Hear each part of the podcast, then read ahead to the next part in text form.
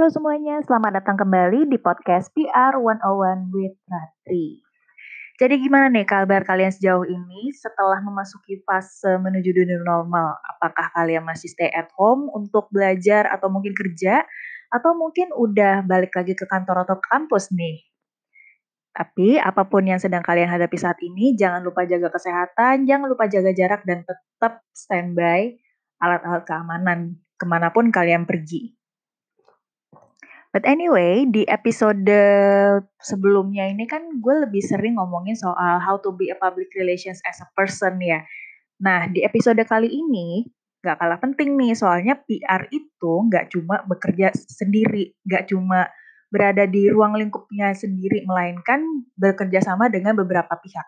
Kenapa? Karena sekecil apa pun atau segede apa pun aktivitas yang akan dieksekusi nantinya, eh, PR itu juga butuh partner untuk uh, membantu membantu keberlangsungan acara atau aktivitas tersebut. Jadi um, selain itu dengan bekerja sama dengan berbagai, berbagai, berbagai pihak juga membantu banget efisiensi kerja tim dan juga bisa saling backup satu sama lain. Nah, tapi kalau misalkan mau bekerja sama-sama orang nih, PR biasanya menemui beberapa tantangan nih. Misalnya um, kontak seseorang uh, vendor misalkan atau mungkin komunitas itu kan uh, mau nggak mau mesti cari cari-cari sendiri sampai benar-benar ketemu. Terus belum lagi kalau ketika dihubungi malah komunikasinya nggak enak, terus juga nego-negonya um, apa namanya agak alot, jadi mesti berulang kali jelasin berkali-kali. Terus kalau misalkan udah ketemu nih partnernya, nah PR itu juga juga punya tantangan dalam menyatukan menyatukan buah pikiran dari pihak-pihak yang diajak kerjasama gitu. Misalnya um, apa namanya seorang uh, salah satu eh, kejadiannya gini, uh, mungkin PR kerjasama sama IO mau ngadain acara secara offline misalnya nih. Nah, tentu IO tuh juga mesti tahu scope of work-nya tuh apa aja, terus apa lagi yang perlu dipastiin ke tim PR, terus um, apa namanya tim marketing atau sales dari perusahaan atau klien maunya kayak gimana kita juga yang mesti selarasin terus juga kemudian kita jelasin lagi ke vendor-vendor yang kita ajak kerja sama. Itu menantang banget loh. Dan ini gue mau cerita sedikit memang kejadian ya waktu beberapa waktu eh, beberapa waktu lalu ketika kantor gue diajak joinan sama sama agensi lain untuk pitching ke sebuah klien gitu dan di dan di saat regroup itu kita tuh um, tahu nih ide ide dari si A kayak gimana sih ide dari si B kayak gimana dan dan pada akhirnya kita semua dari semua ide yang ada usulan yang ada semuanya mesti benar-benar disatukan sampai semuanya udah oke okay untuk dimasukin ke proposal strategi. Wow itu baru tahapan pitching loh belum ketika mau ngadain sebuah kegiatan itu udah menantang banget karena memang regroupnya berkali-kali.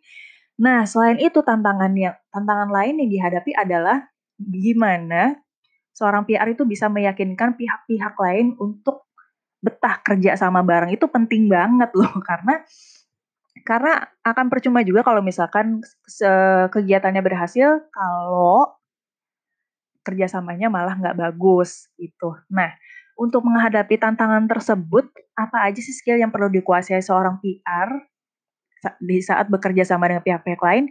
Gini, um, apa namanya? Skill yang perlu di dikuasai salah satunya tentu adalah teamwork antara kita sebagai PR dengan pihak-pihak lain. Nah, pihak-pihak lain itu termasuk siapa aja nih? Bisa dari bisa ke internal, bisa juga ke eksternal. Nah, kalau misalkan kita mau kerjasama dengan bagian inter internal, tentu pihak yang kita reach adalah tim sales atau marketing si perusahaan atau mungkin uh, dari client side ya. Dan kalau kenapa tim sales dan marketing? Karena mereka lah yang punya timeline kunci di perusahaan itu selama setahun atau mungkin juga selama satu semester bahkan. Jadi kita mesti sesuai ini uh, di di bulan ini mereka kegiatannya lagi mau ngapain, produk apa yang sedang mereka highlight. Nah, biar kita kalau mau ngedistribusiin press release atau bikin activity masih tetap sejauh masih tetap inline dengan uh, timeline si timnya marketing itu.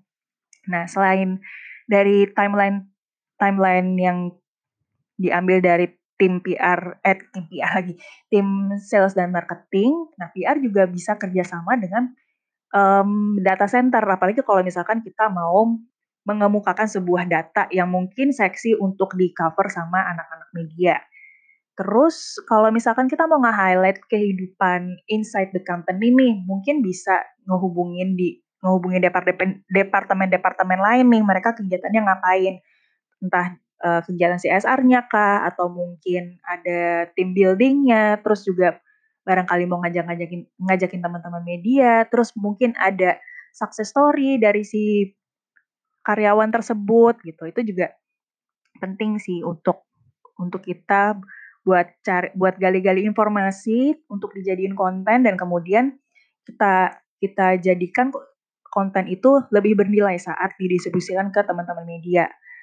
Nah, kalau dari internal itu juga eh, internal nggak cuma dari ke dari dari PR ke perusahaannya sendiri, tetapi juga eh, antar antar tim PR internal dengan agensi dari agensi ke agensi bahkan itu juga juga perlu banget tuh kerja, uh, kerjasama di yang dihandle oleh anak-anak PR gitu. Misalkan uh, di agensi A uh, scope of worknya lebih ke PR digital, yang satu lebih ke PR konvensional. Karena kan setiap agensi punya punya prioritas kerjanya masing-masing ya dan dan apa capability dari setiap personil yang dimasukkan ke tim.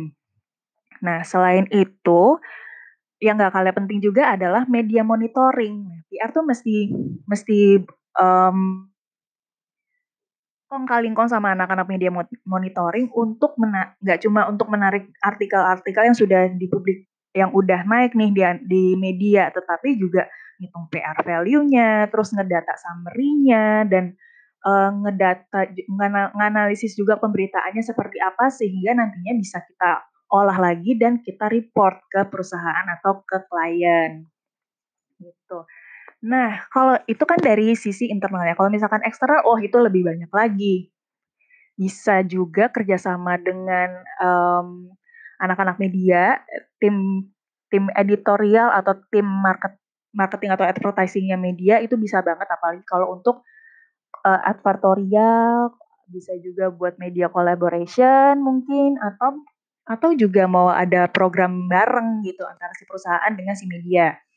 Terus um, yang gak kalah penting, gak cuma media, terus juga komunitas gak ketinggalan karena kan di mana ada acara untuk media biasanya disediain juga program yang disediakan untuk komunitas gitu, nggak cuma komunitas blogger tapi juga nano influencer, micro influencer karena penting bagi seorang PR untuk menjalin hubungan baik dengan komunitas. Karena kalau misalkan uh, kita ngundang nih, eh, kita ngundang suatu komunitas untuk sebuah screening, terus um, cara kita ngetrit anak-anak komunitas selama screening itu malah nggak enak. Nah itu bisa jadi bulan-bulanan karena kan circle anak-anak komunitas, apalagi komunitas blogger, nano influencer, micro influencer itu kan di situ-situ aja dan pasti akan um, apa namanya jadi heboh ketika diobrolin di forum entah itu di WhatsApp atau mungkin di di grup lain atau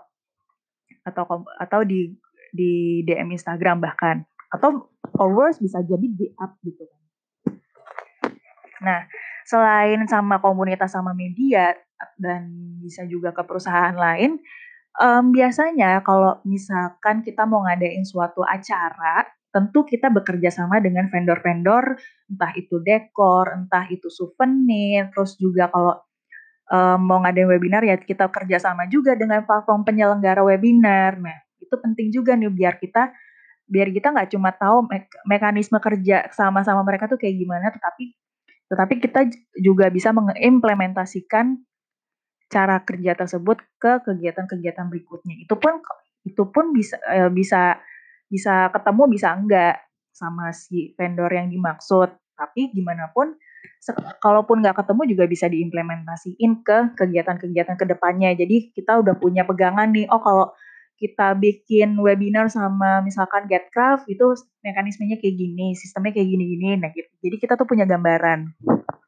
Nah, Terus apalagi yang perlu kita ketahui ya? Oh iya, selain selain skill untuk teamwork, ada juga nih tiga, tiga, man, tiga mantra yang pernah diucapin sama Pak Agung Laksamana di artikel website Perhumas, yaitu adopt, adapt, and adapt. Karena gini, um, mau nggak mau kalau kita bekerja sama dengan pihak lain, kita kan mesti mengadopsi mengadopsi dan beradaptasi dengan kerjasama yang ada, dengan situasi yang ada. Misalkan kalau kita kerjasama sama vendor yang um, komunikasinya enak gitu dan dan biasanya tuh komunikasinya akan lancar, terus juga kalau ngadepin kendala sekalipun kita juga bisa saling bertukar pikiran, bahkan even better kita juga bisa saling backup untuk nawarin solusinya satu sama lain. Nah, terus abis itu kalau misalkan kita udah ajak nih kerjasamanya, kita bisa memasuki adapt atau misal uh, atau um, nambah skill supaya kerjasamanya berlangsung lama atau sustainable. Karena gini, sering nih kejadian kalau misalkan kita udah enak banget nih kerjasama sama uh, berbagai pihak, misalkan kita uh, pernah nih kerja sama sama satu fotografer untuk meliput sebuah press conference, terus hasil foto-fotonya bagus. Nah, ke depannya bisa pakai dia lagi. Begitupun sebaliknya, karena pada pada akhirnya um, hasil akhir dari kerjasama yang dilakukan oleh anak-anak PR adalah kelanggengan dan juga eh, kelanggengan kerjasama dan eh, sehingga memudahkan si proyek itu sendiri. Nah, outputnya selain kerjasama yang langgeng adalah uh, kita juga tentu nambah koneksi, terus kita juga dapat rekomendasi, dan kalau misalkan uh, proyek yang kita kerjain bareng-bareng ini berhasil, nah suara kita akan lebih didengar sama internal.